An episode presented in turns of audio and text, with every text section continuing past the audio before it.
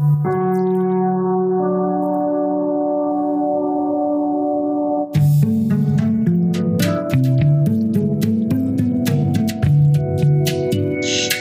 Assalamualaikum warahmatullahi wabarakatuh. Selamat datang di Psycho FM Radionya anak psikologi zaman now.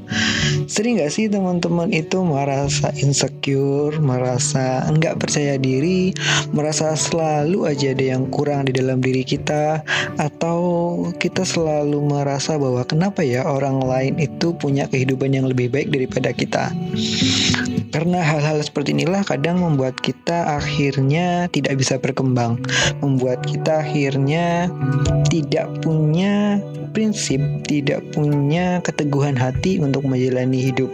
Kita selalu terbayang-bayang dari pendapat orang, dari kesuksesan orang. Kita melihat bahwa yang namanya pencapaian hidup adalah ketika kita melihat orang lain berkarya. Kita jarang melihat bahwa sebenarnya jauh di dalam diri kita itu punya banyak potensi yang bisa dikembangkan, yang bisa menjadi atau yang bisa menunjukkan benar-benar siapa kita, the power of us. Cie. ya, soalnya ketika bukan ketika, karena hampir setiap kali kita selalu membandingkan diri kita dengan orang lain, terutama uh, kesuksesan nih dalam hal kesuksesan. Apabila ada yang lebih cerdas misalnya, lebih pintar, lebih kaya, lebih terkenal, atau lebih berpengalaman, berkompeten, itu membuat kita merasa minder, rendah diri. Patokan kita, tolak ukur kita adalah ketika orang lain mengatakan A, ya kita harus ikut-ikutan A.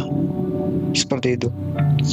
Kita jarang melihat bahwa sebenarnya diri kita ini punya kemampuan, punya kelebihan, punya keunikan tersendiri yang bisa membuat kita berbeda dari orang lain. Kita jarang mengeksplor diri kita karena setiap kita bertatap muka dengan orang lain atau ketika kita sedang di dalam lingkungan sosial yang kita lihat adalah orang lain yang kita lihat adalah muka-muka orang lain, kesuksesan orang lain, pencapaian orang lain, tapi kadang kita lupa bahwa kita juga punya pencapaian. Kita jarang lihat ke diri kita sendiri. Makanya sering-seringlah bercermin seperti itu. Ketika bercermin, pahami bukan hanya oh saya ganteng misalnya atau saya cantik atau saya cocok pakai baju ini. Tapi cobalah ketika bercermin diajak berbicara. Hei kamu itu siapa? Apa yang sudah kamu capai selama ini? Ketika kita mampu mengetahui diri kita bahwa oh aku itu sebenarnya anaknya yang seperti ini. Aku itu orang yang seperti ini Aku nggak suka yang namanya A. Aku nggak suka harus bersikap B. Aku itu sukanya ketika aku menjadi seorang yang C. Nah, ketika kita sudah mulai berpikir seperti itu, tugas selanjutnya adalah kita harus memahami bahwa memang setiap orang itu diciptakan untuk berbeda. Kita tidak bisa mengukur kesuksesan kita dari kesuksesan orang lain, atau kita tidak bisa membandingkan kebahagiaan kita dengan cara melihat kebahagiaan yang dirasakan oleh orang lain. Nah, kita tidak bisa menyamaratakan. Kita punya standar hidup masing-masing. Memang ada kalanya di dalam bermasyarakat, dalam lingkungan hidup, ada yang namanya norma-norma yang berlaku atau aturan yang berlaku. Tetapi dalam hal prinsipal, dalam hal prinsip diri kita, kita punya standar yang tidak bisa orang lain mengikuti standar kita, atau kita juga tidak bisa mengikuti standarnya orang lain standar kesuksesan misalnya. Ada yang bilang bahwa orang dikatakan sukses kalau sudah punya rumah mewah, sudah menikah, punya mobil, punya perusahaan misalnya. Ada juga yang mengatakan bahwa saya sukses ketika saya merasa bahagia, ketika saya merasa cukup, merasa tidak ada yang kurang, itu sukses menurut saya. Atau ada lagi yang saya sukses ketika saya bisa membuat orang tua saya bangga dengan saya. Atau ketika saya bisa mandiri, tidak membutuhkan bantuan dari orang lain lagi. Nah, setiap orang punya kesuksesannya masing-masing. Kemudian standar kebahagiaan juga sama. Setiap orang punya standarnya masing-masing. Ada orang yang bahagia ketika mendapatkan coklat dari pacarnya pas Valentine. Nah, besok nih mau Valentine nih, tanggal 14 Februari ya, masih lama ya. Atau mungkin ada yang bahagia hanya dengan mendapatkan chat nih dari gebetan. Ada yang bahagia ketika kita direspon kita, SMS kita, telepon kita, mendapatkan respon balik dari orang lain. Kita bahagia. Jadi jangan membandingkan misalnya ah apaan sih kamu cuma dibalas doang aja udah seneng ah apaan sih cuma gitu doang dikasih coklat doang udah seneng. Nah kita tidak bisa memaksakan standar kebahagiaan kita ke orang lain dan juga kita tidak bisa membandingkan standar kebahagiaan orang lain dengan standarnya kita. Kita harus memahami bahwa kita punya hal yang membuat kita berbeda dari orang lain dan kita harus bisa memahami itu. Kita juga punya sisi kelemahan, kita juga punya sisi kelebihan. Bagaimana kita bisa mengembangkan diri kita? Bagaimana kita bisa memahami apa yang harus kita lakukan atau bagaimana kita mampu mengembangkan kekurangan kita ini menjadi suatu kelebihan untuk diri kita, bagaimana menggunakan ketidakmampuan kita menjadi sesuatu hal yang luar biasa di kemudian hari. Nah, makanya jangan ke mana-mana, tetap stay tune terus di channel ini.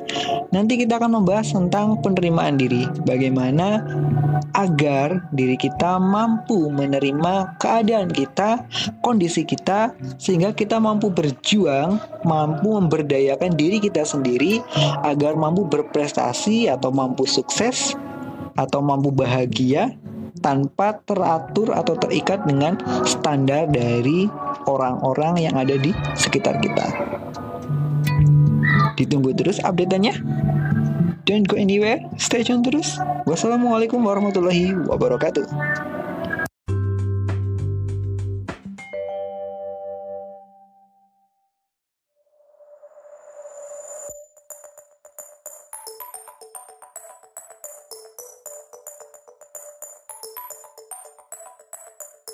Assalamualaikum warahmatullahi wabarakatuh. Kembali lagi di Psycho FM Radionya anak psikologi zaman now. Yap kemarin kita sudah membahas tentang Bagaimana sih caranya menerima diri kita. Bagaimana caranya mengetahui apa sih sebenarnya yang ada di diri kita? Mungkin teman-teman yang mendengarkan sesi sesi mendengarkan rekaman sebelumnya ya, nanti bisa dilihat di sebelumnya uh, tentang bagaimana sih kita memiliki nilai tentang diri kita sendiri, bagaimana caranya kita mempunyai arti untuk hidup kita sendiri. Nah, sekarang kita akan membahas mengenai tentang self acceptance atau penerimaan diri.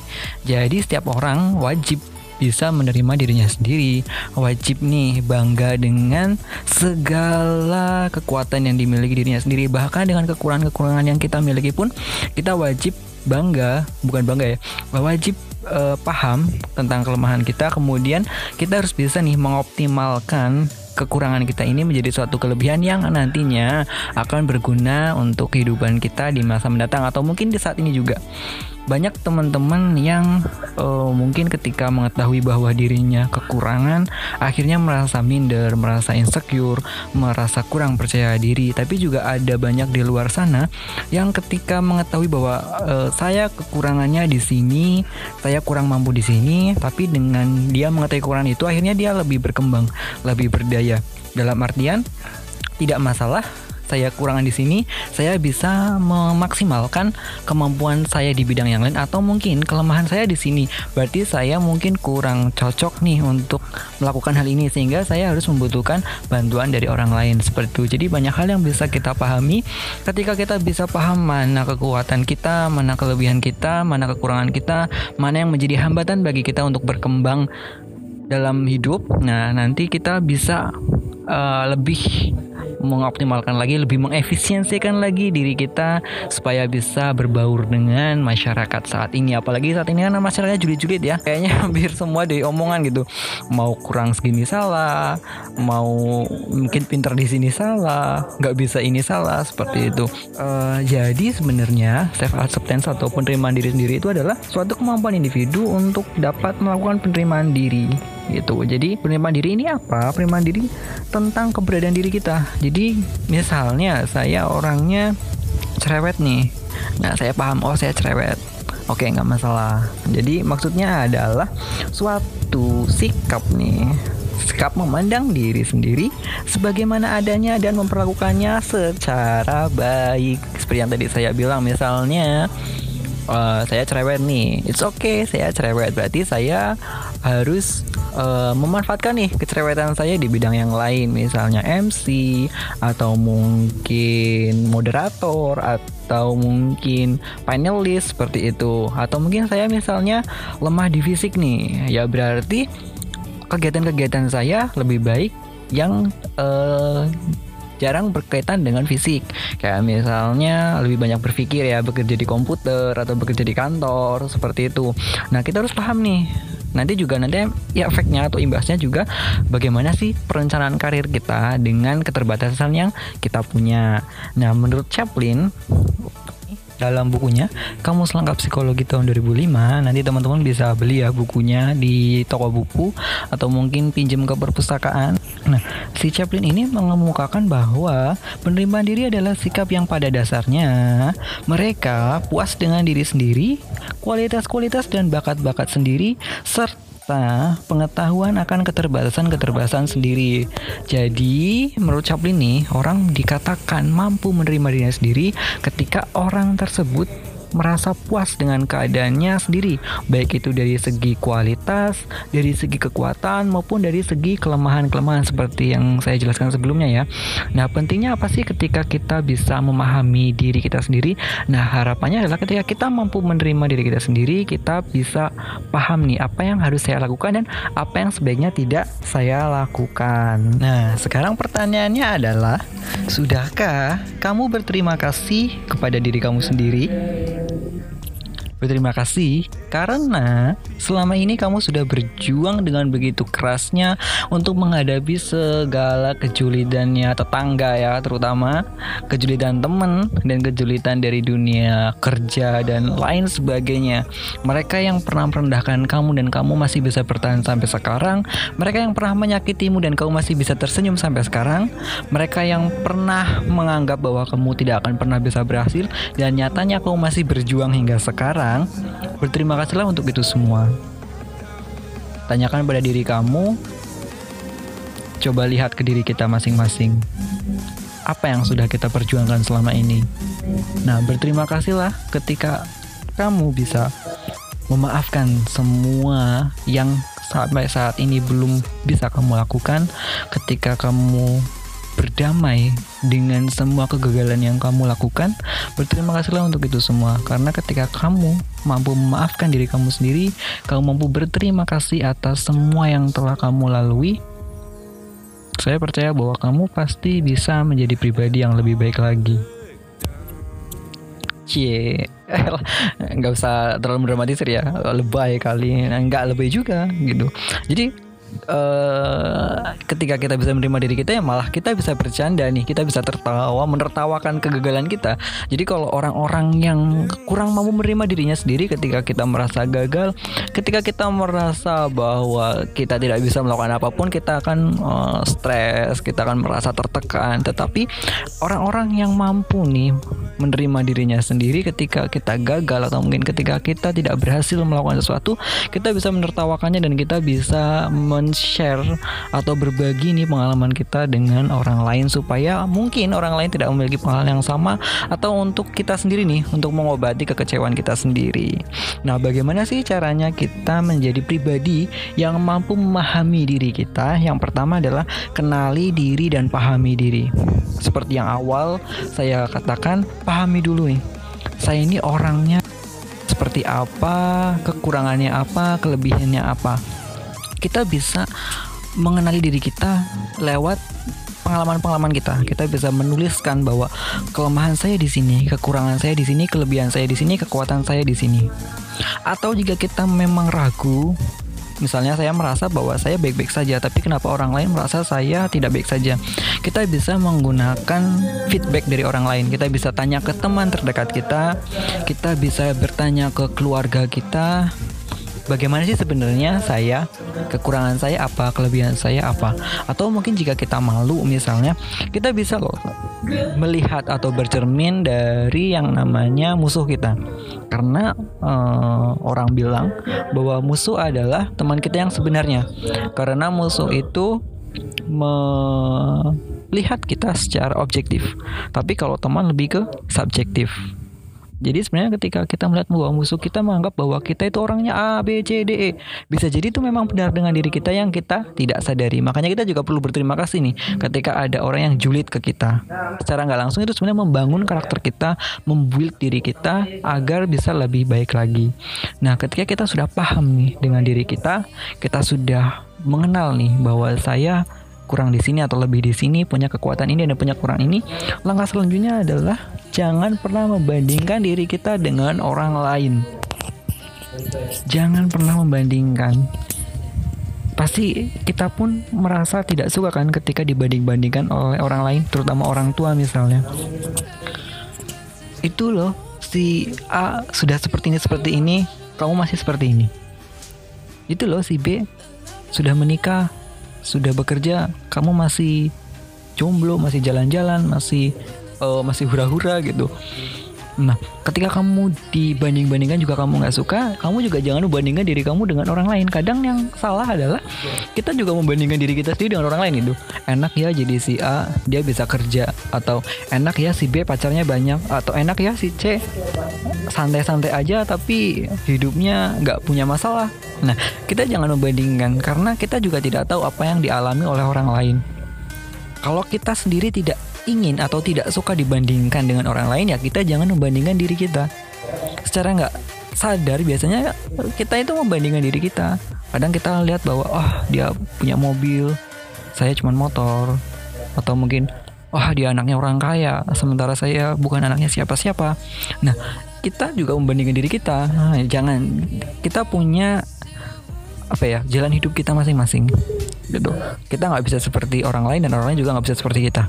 Ketika kita menginginkan hidup orang lain jangan-jangan orang lain tersebut juga menginginkan hidup kita.